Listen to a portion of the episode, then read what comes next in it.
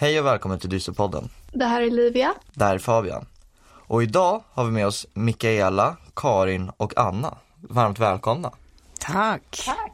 Härligt att vara här. Jätteroligt att vara här. Jättekul. Mm.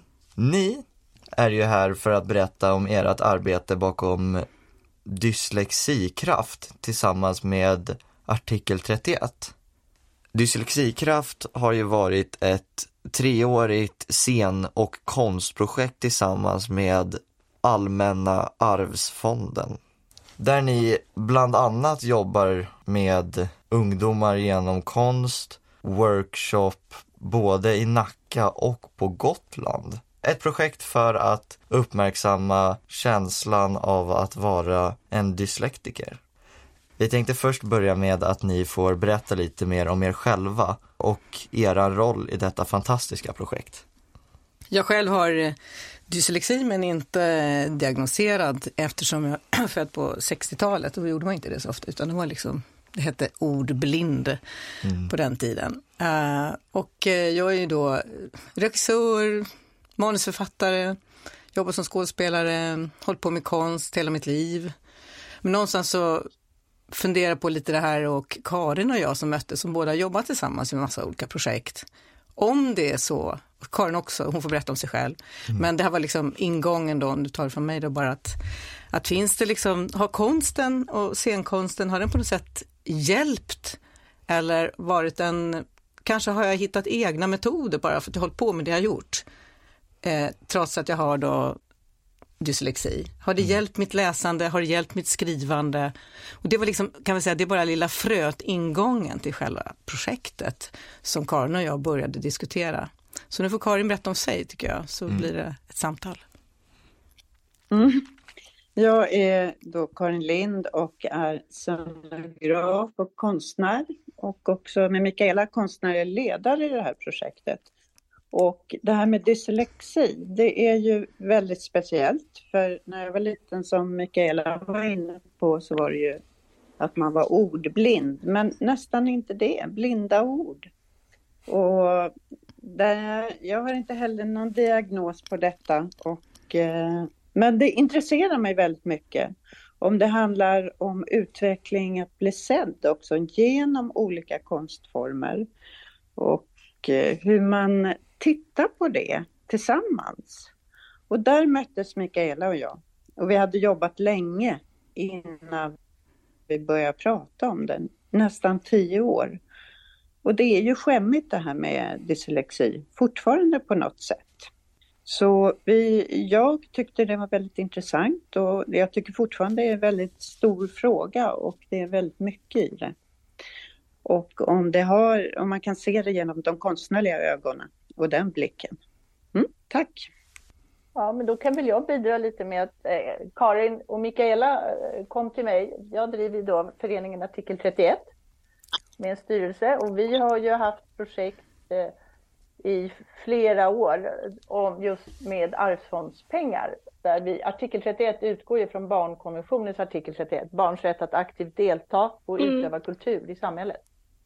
Så här brukar vi då ut, ha utforskande projekt där vi alltid bjuder in konstnärer och vi tillsammans och ungdomar i olika workshops har olika frågeställningar som varför har vi känslor eller vilken berättelse är din? Eller så identitetsskapande projekt. Och då när Karin och Mikaela kom med det här om dyslexi så tyckte vi att det passade in i artikel 31 hela idé och koncept. Mm. Och låta ungdomar med dyslexi få ta plats på den offentliga arenan. Mm. Eh, har någon av er någon annan diagnos förutom dyslexi? Nej, inte vad, Nej, inte vad jag vet. Kanske har massor, vem vet? ja. ja, så kan man ju se det, men i och med att man inte har någon diagnos så vet man inte i man är född för länge sedan så Nej. fanns det ju mm. inte det sättet att prata om det för huvudtaget. Men det finns ju någonting som jag tänker vi här, jag menar som man kan identifiera liksom kring det där med att att orden hoppar eller att man har svårt att greppa texten eller att den flyter eller flyter ut eller alla de där delarna. Eh, som när vi har varit ute och jobbat med ungdomar i skolor, vi har, inte, vi har varit med också i Stockholmsskolor, eh, att tillägga bara. Eh, men då har, man ju liksom, har vi fått de erfarenheterna tillsammans och kunnat med dem också identifiera, tillsammans med dem också identifiera sina egna liksom, eh, dysstyrkor eller mm. liksom dyslexi genom att vi har jobbat på det sättet som vi har gjort med massa, massa workshop och massa, massa övningar.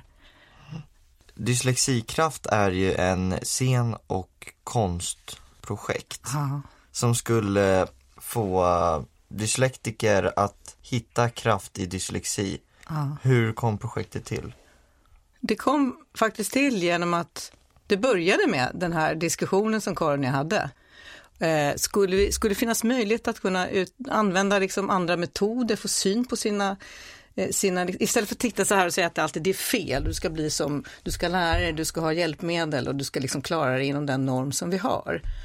Men om man går utanför den ramen, vad har vi för andra möjligheter? Har vi andra sätt att se på och läsa text, ta in text eller skriva eller på ett sätt konstnärligt uttrycka sig? Så det är det vi mm. liksom vill utforska också tillsammans med ungdomar. Eh, och det har vi verkligen fått syn på. Och mycket annat på vägen. Och hur ja, länge har ni arbetat ja, vi har fått syn på projektet i tre år och vi har haft workshoppar i två år. Och så har vi haft en grupp som vi har haft väldigt nära, knutna i tre år tillsammans med oss som har jobbat med en mm. utställning mm. som finns nu i Nacka konsthall. Och där kan man ju se, alla de som vi har jobbat med, de 13-15 stycken, har ju vuxit väldigt mycket tillsammans med oss. Vi växer ju i frågeställningarna också. För att vi, man får ju syn på nya saker med det här med metod och strategi som genom det konstnärliga som Mikaela var inne på. Och det där med blicken och seendet och hur, hur man kan fånga upp det som eh, ungdom är väldigt spännande. För man kan ju få en kraft av det. Att man blir mm, sedd, verkligen. att man får gestalta och uttrycka sig, spela och prata och göra flera saker och då blir det väldigt tydligt och starkt. Jag vet inte om ni har sett utställningen eller föreställningen men eh, det, vi kanske kommer till det. Vi läste att ni jobbar med skolor för mm. att få mer kunskap till projektet. Hur fungerade det? Åh, det har fungerat väldigt bra och väldigt intressant skulle jag säga. Vi har ju träffat så otroligt många olika skolor och olika gymnasieklasser. Så att det har varit enormt spännande. Och vad tyckte eleverna på skolorna om att jobba mer? Jättespännande, men det var ju också det att vi att bara komma in i en klass och börja och prata om att ha dyslexi ja. eller kunna säga det högt. Eller, och det är ganska olika olika klasser om man vill tala om det eller inte. Och sen börja jobba mm. med, med övningar tillsammans. Eh, så det var ju jättespännande. Det var liksom, vi gjorde olika sorter. Det var allt från gestaltande övningar till liksom måla, rita, till, till skriva, associera. Och när man börjar berätta för varandra, det som vi gör här i studion, när man börjar berätta om sina erfarenheter, då börjar ju också ungdomarna berätta om sina erfarenheter och också skolmiljön och hur det är att vara i skolan idag och ha dyslexi. Mm. Och det är ju inte sådär, det är inte bara liksom att det, det, har blivit mycket bättre och många får ju mycket hjälp och vissa kan säga det rakt högt men våga, vissa vill ju inte säga någonting och det tar lång tid. Och då tycker jag mycket det här projektet har handlat om att bygga tilltro, alltså bygga kontakt, bygga eh, mm. en känsla mellan varandra så man vågar också börja och prata och börja och berätta. Uh, och det, genom att vi har återkommit till många av de här skolorna, Sankt Eriks och gymnasium, det var Fryshuset, och andra, så byggde vi upp också ett förtroende. Mm. Och då börjar mer och mer berättelser komma fram och erfarenheter. Så det har funkat väldigt, väldigt bra och varit väldigt roligt. Mm. Men eh, just dyslexikraft, mm. vad var det själva ordsvalet? Varför, hur kom ni fram till just det? Men det är ju en kraft också. Just om man vänder på det så är det ju, det är ju inte bara såriga eller jobbiga utan man hittar nya vägar, nya sätt att se själv. Och det har man sett åt var, varje ungdom, varje barn och unga vuxna som vi har träffat. Att när man ser det där så blir det ju också en kraft, för man hittar en metod, man hittar en annat seende, en annan blick på sig själv och sin identitet. Och då kan dyslexin också bli en kraft. Ja, det kan bli en möjlighet, mm. helt enkelt. Mm. Jag tänkte på en sak som eh, du var inne på Mikaela. Vi har gjort väldigt många olika övningar på de här skolorna och överallt och på Gotland och olika gymnasium och högstadium och så. Men vi har också gjort någonting, vi har undersökt stadsrummet utifrån en dyslektikers blick. Och det har också varit väldigt stärkande att kunna gå i en stad och se vad är vad, ser man eller inte? Och hur kan man då gestalta det sen och uttrycka det? Och det kan också bli en kraft när man börjar hitta och se nya sätt att ta sig fram. För det kan vara svårt mm. om man inte kan läsa bussen, var bussen ska gå. Mm. Mm. Eller gå in i en butik. Jag tänker många som har så dyskalkyli. Mm. Där vi har hört ja. så hårresande historier. Liksom, när när, när liksom, det blir nya siffror på, på när man ska handla. Eller liksom, det är jätte jättekomplicerat. Mm. Uh, eller bara fylla i blanketter, alltså alla de här vanliga grejerna också som, som liksom samhället kräver av en av mm. oss. Eller skriva ett vanligt sånt här dokument som du har framför dig här nu. det, det, och läsa det. Och läsa det, det är ju också, och det ska liksom, ja. så tänker jag alltid med liksom den här som jag märkt hela tiden när vi har jobbat också, den här pressen och stressen som oftast kommer, som blir någonting som vi har med oss för att vi har blivit stressade och pressade inför massa olika situationer. Eh, det är på något sätt vi var tvungna, märkt man när man jobbar, liksom komma förbi det, liksom hitta det där lugnet tillsammans, erkänna att vi blir stressade och vi blir pressade och, eh, eh och det finns liksom med, när vi släpper det, Mm. Så kan det bli vansinnigt mycket häftiga grejer. Du skrattar och känner igen det tror jag. Mm. Eh, då, då, då blir vi fria och då kan vi verkligen liksom tackla saker lite på ett helt annat sätt än det som är kanske den vanliga normen. Mm. Eh, och det där kan skapa man sig en dåligt självförtroende som är så himla onödigt tycker jag. Men själva idén med att arbeta med workshop, så, alltså som en workshop, tycker vi är så frigörande. Mm. Vad, vad tyckte mm. ungdomarna och barnen som ni jobbade med eh, om just workshop? Att man jobbar på det sättet? Det är ju en jättespännande form att jobba i workshop för det är ju en befrielse på ett sätt. Mm. Och självklart att det kan vara svårt men när man har stöd av varandra när man jobbar i workshop så händer så mycket när man gestaltar. På alla mm. möjliga sätt. Från eh, teckning till till en gestaltad dans eller till en lek eller till eh, någonting helt annat som man ska skriva eller rita eller förstå. Och är man flera som pratar om det och workshoppar tillsammans så händer någonting nytt. Det uppstår något nytt och det är ju det som är så intressant. Men det är de här, jag håller med Karin, liksom hela, men det är de här små fröna som man måste få syn på. Det är ju vårt jobb. Det är mm. Karins och mitt jobb när vi jobbar. Eh, och där har vi ju många exempel, bland annat en flicka som hade svårt att, att komma ihåg och minnas överhuvudtaget text. Eh, och det var liksom återkommande hos henne. Men när hon berättade, när hon sjunger, då kommer hon ihåg texten, då minns hon. Och då är det också lättare för henne när hon spelar musik. Och när hon spelar musik, få ut sina känslor, då kan hon sätta sig och skriva, upptäckte vi när vi jobbade. Alltså det gäller att få tag på den där andra liksom metoderna som kanske inte mm. egentligen skolan erbjuder. Men här upplever jag att vi har fått syn på det under de här tre åren, att det faktiskt finns kanske lite andra vägar att gå. Mm. Till att nå, det här är ju ett exempel. Mm. Men det är som en, eh, när man har dyslexi eller någon form av det. Det ser ju så olika ut så man ska inte generalisera det. Mm. Men det är ju som om man går i cirkelrörelser på något sätt. Man cirklar framåt och man cirklar bakåt. Man hoppar liksom två steg framåt och två steg bakåt och sen tar man tre skutt plötsligen. Och så ser man det där. Det är väldigt intressant. Som, eh, precis som när man gestaltar, då ser man det plötsligt. Mm. Och då kan man också se dyslexin. Man kan se vilket mönster den har eller inte har ett mönster. Och hur olika det ser ut hos varje, varje individ och människa som man träffar.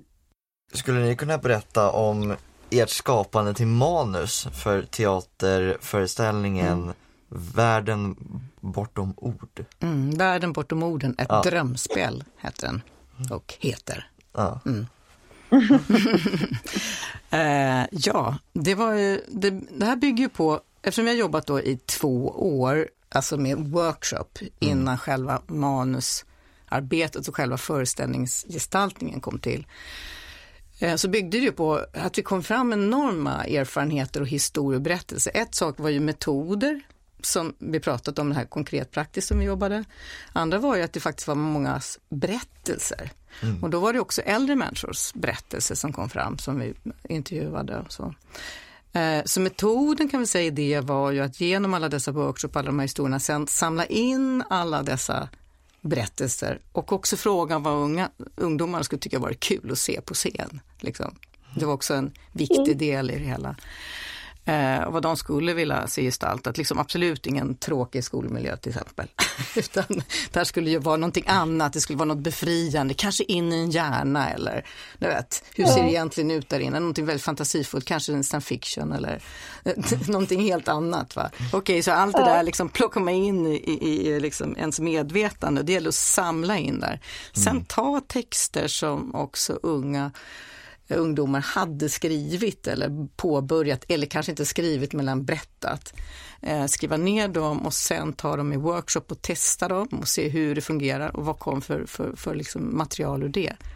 Det här kallas liksom för förarbete, research, workshop när man gör sådana här manus. Liksom. Mm.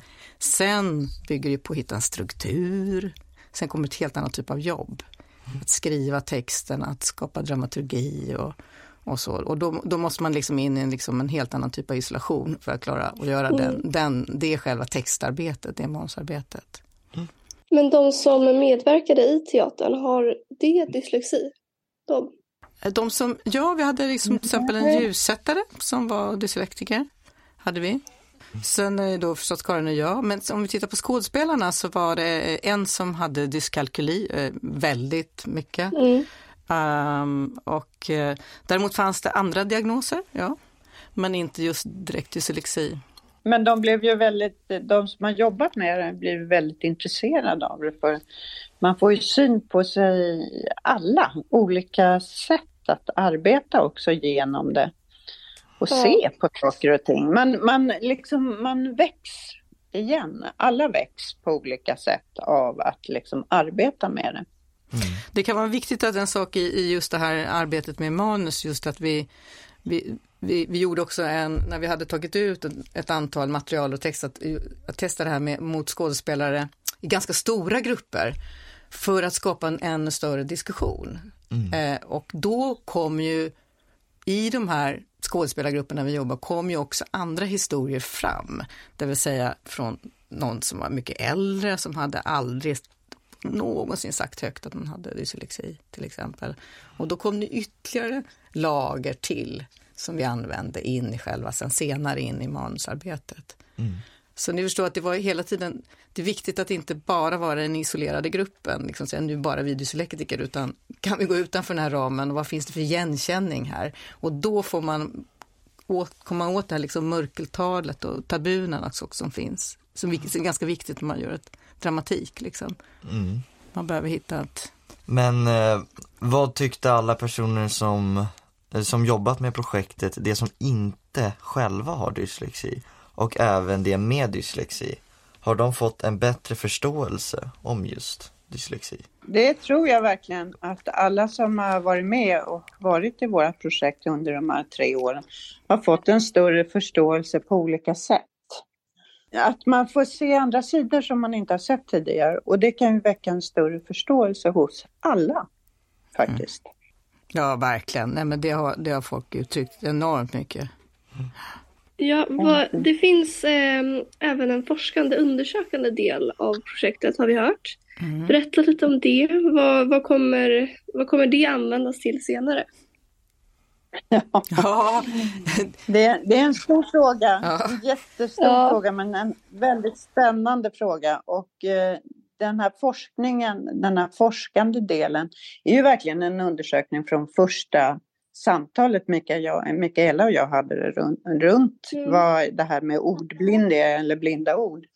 Och det finns så många delar att undersöka i det. Det är från det där fröet man föder hos en ungdom till en äldre eller en ung vuxen eller en äldre som pratar om dyslexi. Allt mm. det här vill man ju försöka få ner till olika sätt och det har vi ju gjort på ett sätt genom föreställningen och utställningen som ungdomarna har gjort. Mm. Men det är ju forskningen finns ju där och den är ju jag har hur mycket skrivit och ritat och konstiga teckningar och streck runt detta som man skulle verkligen vilja att det blev någonting alltså tryggt för en dyslektiker på ett annat sätt. Mm. Alltså en bok eller en annan form också så att det lever vidare. Det är ett stort material som... För det är viktigt. Ja, som är liksom... Det är en stor forskning. Det är en stor forskning och undersökning på det sättet. Nej, men det, är, det är som Karin säger, det kan ju bli en bok i någon form. Eh, sen finns det det mm. dokumenterade, mm. liksom, filmade material av själva föreställningen. Där ligger ju massa, det finns ett manus mm. skrivet eh, och det finns eh, hela den, liksom, vi hade också en forskare, Helene, eh, som eh, följde projektet också. Hon har ju också sett hur vi arbetat i workshopparna. Det finns så mycket som helst, man skulle bara vilja fylla, fylla liksom, bara ge ut så kan det kännas. Liksom. Det är sprängfyllt. Ja, bara... Man skulle verkligen vilja bredda ut det, ut, ja. ut, ut i världen. Vi, vi har haft, eh, Karin, nu, eh, eh, vad heter det, workshop med ungdomar som har kommit också till utställningen. Och de var också många och såg föreställningen. Liksom, och höra deras tankar och, eh, har varit bara det. Och då märker man, det här behövs Mm. Det behövs jättemycket. Men det är, det är verkligen eh, intressant där, för de som kommer till utställningen är många som har sagt också, som jag mött där, nej men jag har inte dyslexi, men jag tycker att det här är otroligt intressant, för det påminner om ett annat sätt för mig att hitta min identitet eller min, bli synliggöra saker hos mig som Eh, i ungdom när de har varit där i workshopen. De får syn på sin, sina egna sidor hos sig själva och vad man mm. vill och inte vill. Så det är väldigt, det, det finns otroligt mycket med det. Mm. Men eh, vad är framtiden för Dysselkraft? Ja, där är ju liksom, jag vill säga att, som vi försöker beskriva, nu har vi en ballong. Mm. av, Den kan spricka också. Ja, av, av, av konkret material. Dels eh, nedskrivna liksom övningar som vi har gjort och utarbetat. Eh, det finns föreställningen och det finns, det finns det här utställningen och det finns alla ungdomar som ambassadörer liksom kring det här. Så hur vi ska kunna komma vidare med det vet inte vi, för det är ju så här, tre år i projektet, nu är det slut.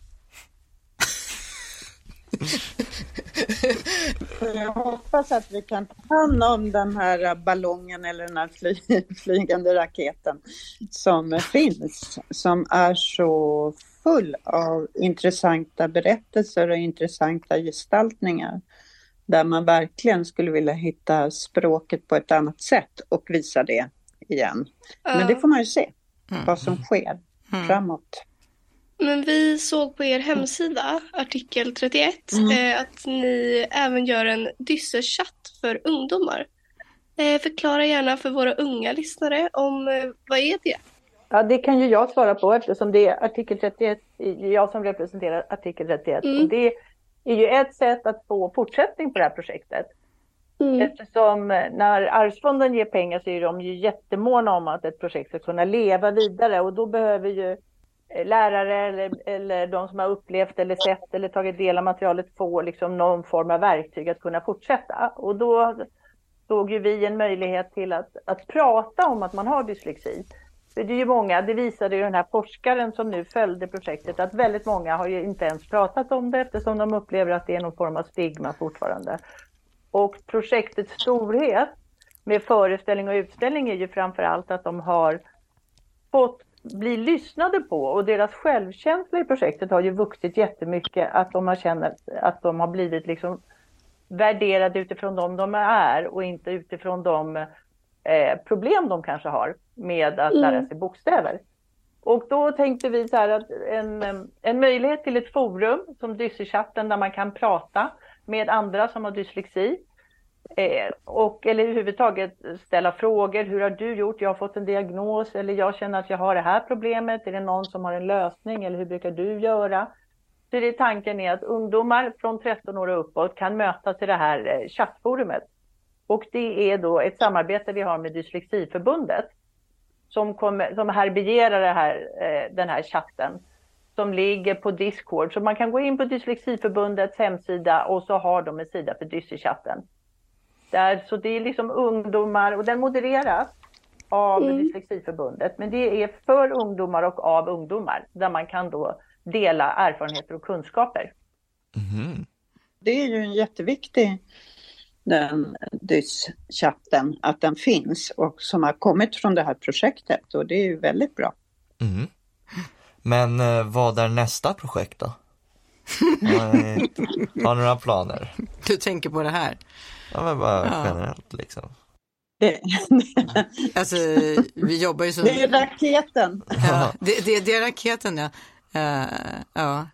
Men vi jobbar ju båda som eh, frilansande i våra yrkesprofessioner. Mm. Så det är ju en sak. Uh, men, men när det gäller det här så är det ju klart att man ser det, sådana här projekt när, man, när det också kommer väldigt inifrån, att man själv liksom också har levt med hela sitt liv och mm. så när man får göra sådana här upptäckter och, och, och, man ser liksom behovet i skolorna och bland ungdomar så klart att man känner, äh, här sitter vi med en hel föreställning. Här har vi det liksom och vi har, en, vi har saker. Klart man skulle vilja att fler fick ta del av det på ett eller annat sätt. Det, det ja. kan man känna, det är synd att inte fler får, mm. får möjlighet här nu. Mm. Uh, men mm. det, det är ju alltid lite den frustrationen som finns i, i sådana här projekt. Att man liksom kommer mm. till en viss punkt. Men uh, bara att ni är här och frågar oss i toppen, ja. det är en sån här ring på vattnet. Att, att, ni, att ni är här och pratar och vill och man vill ju bara prata mer, mer mm. om man känner så. ja, men eh, vi tänkte ändå ta och börja avrunda nu. Mm. Har ni mm. några tips eller sista grejer att säga som eh, kan hjälpa våra lyssnare? Mm. Ja. vänd, på, vänd på orden många gånger så ser du att du står upp. Och mm. det kan du ha med dig hela ditt liv faktiskt. Ja. Att du verkligen är och inte, du behöver inte vara felvänd, du är rättvänd mm. med, genom att du är felvänd ibland. Lita på din egen, egen röst, din egen förmåga mm. och våga mm. ta stöd. Ta stöd, prata högt, berätta för varandra, var inte tyst. Nej, jag skulle vilja säga, bidra med att man ska alltid lista sina förmågor. Mm. Och berätta för dem vad man är bra på mm. för läraren, till exempel i skolan. Mm. Och sen också, och vilket, om man då har problem med någon sak, behöver man inte formulera som problem utan säga att för att jag ska kunna göra mitt bästa så behöver jag mm. hjälp med det här.